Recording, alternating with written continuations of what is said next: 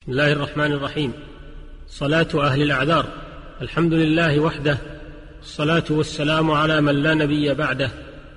نبينا محمد وآله وصحبه ومن اهتدى بهديه وسار على نهجه وبعد. أيها المستمع الكريم نتحدث اليوم إليك في هذه الحلقة عن كيفية صلاة أهل الأعذار من المرضى والمسافرين والخائفين الذين لا يتمكنون من أداء الصلاة على الصفة التي يؤديها غير المعذور. فقد خفف الشارع عن هؤلاء وطلب منهم أن يصلوا حسب استطاعتهم. وهذا من يسر هذه الشريعة وسماحتها. فقد جاءت برفع الحرج. قال الله تعالى وما جعل عليكم في الدين من حرج وقال تعالى يريد الله بكم اليسر ولا يريد بكم العسر وقال تعالى لا يكلف الله نفسا إلا وسعها. وقال تعالى فاتقوا الله ما استطعتم. وقال النبي صلى الله عليه وسلم إذا أمرتكم بأمر فأتوا منه ما استطعتم. إلى غير ذلك من النصوص التي تبين فضل الله على عباده وتيسيره في تشريعه. ومن ذلك ما نحن بصدد الحديث عنه. وهو كيف يصلي من قام به عذر من مرض أو سفر أو خوف لأن الصلاة لا تترك أبدا فالمريض يلزمه أن يؤدي الصلاة قائما إن استطاع وإن احتاج إلى الاعتماد على عصا ونحوه في قيامه فلا بأس بذلك لأن ما لا يتم الواجب إلا به فهو واجب. فإن لم يستطع المريض القيام في الصلاة بأن عجز عنه أو شق عليه أو خيف من قيامه زيادة مرض أو تأخر برء فإنه والحالة هذه يصلي قاعدا. ولا يشترط لإباحة القعود في الصلاة تعذر القيام ولا يكفي لذلك أدنى مشقة في القيام بل المعتبر المشقة الظاهرة. وقد أجمع العلماء على أن من عجز عن القيام في الفريضة صلاها قاعدا ولا إعادة عليه ولا ينقص ثوابه عن أجر القائم وتكون هيئة قعوده حسب ما يسهل عليه لأن الشارع لم يطلب منه قعدة خاصة فكيف قعد جاز؟ فإن لم يستطع المريض الصلاة قاعدا بأن شق عليه الجلوس مشقة ظاهرة أو عجز عنه فإنه يصلي على جنبه ويكون وجهه إلى القبلة. والأفضل أن يكون على جنبه الأيمن وإن لم يكن عنده من يوجهه إلى القبلة ولم يستطع التوجه إليها بنفسه صلى على حسب حاله إلى أي جهة تسهل عليه. فإذا لم يقدر المريض أن يصلي على جنبه تعين عليه أن يصلي على ظهره وتكون رجلاه إلى القبلة مع الإمكان. وإذا صلى المريض قاعدا ولا يستطيع السجود على الأرض أو صلى على جنبه أو على ظهره كما سبق فإنه يومئ برأسه للركوع والسجود ويجعل الإيماء للسجود أخفض من الإيماء للركوع.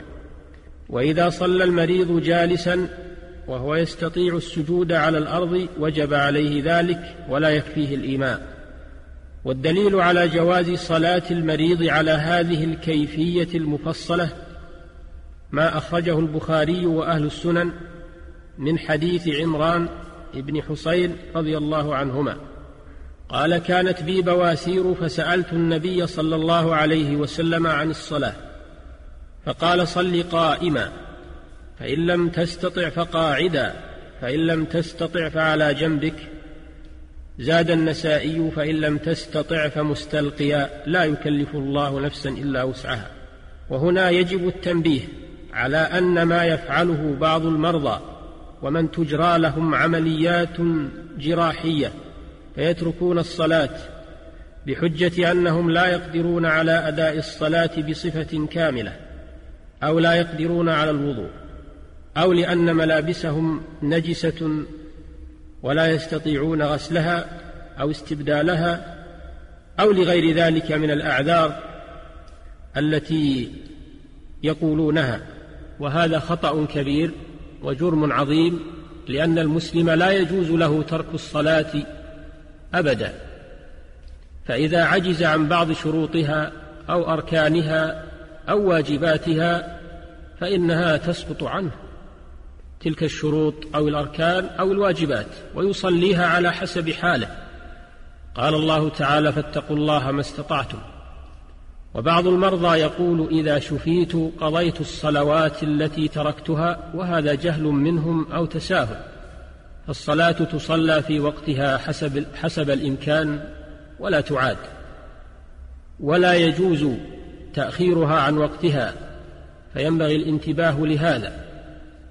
والتنبيه عليه ويجب أن يكون في المستشفيات توعية دينية وتفقد لأحوال المرضى من ناحية الصلاة وغيرها من الواجبات الشرعية التي هم بحاجة إلى بيانها. أيها المستمع الكريم ما سبق بيانه هو في حق من ابتدأ الصلاة معذورا واستمر به العذر إلى الفراغ منها.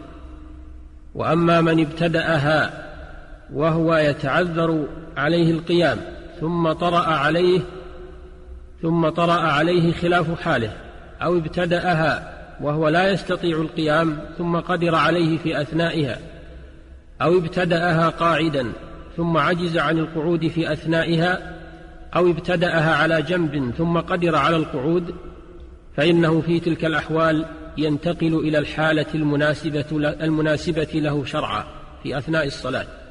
ويتمها عليها وجوبا لقوله تعالى فاتقوا الله ما استطعتم. فينتقل إلى القيام من قدر عليه وينتقل إلى الجلوس من عجز عن القيام في أثناء الصلاة وهكذا.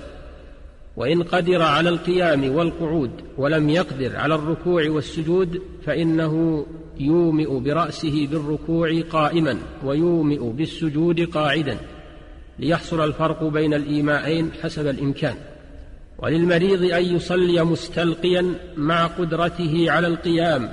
إذا قال له طبيب مسلم ثقة لا يمكن مداواتك إلا إذا صليت مستلقيا. لأن النبي صلى الله عليه وسلم صلى جالسا حين تأثرت شقه عليه الصلاة والسلام. وأم سلمة تركت السجود لرمد بها. أيها المسلم إن مقام الصلاة في الإسلام عظيم. ويطلب من المسلم بل ويتحتم عليه أن يقيمها في حال الصحة وحال المرض فلا تسقط عن المريض بحال لكنه يصليها على حسب حاله فيجب على المسلم أن يحافظ عليها كما أمره الله.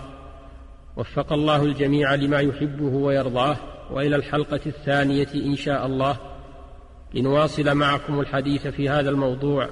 السلام عليكم ورحمة الله وبركاته والحمد لله رب العالمين.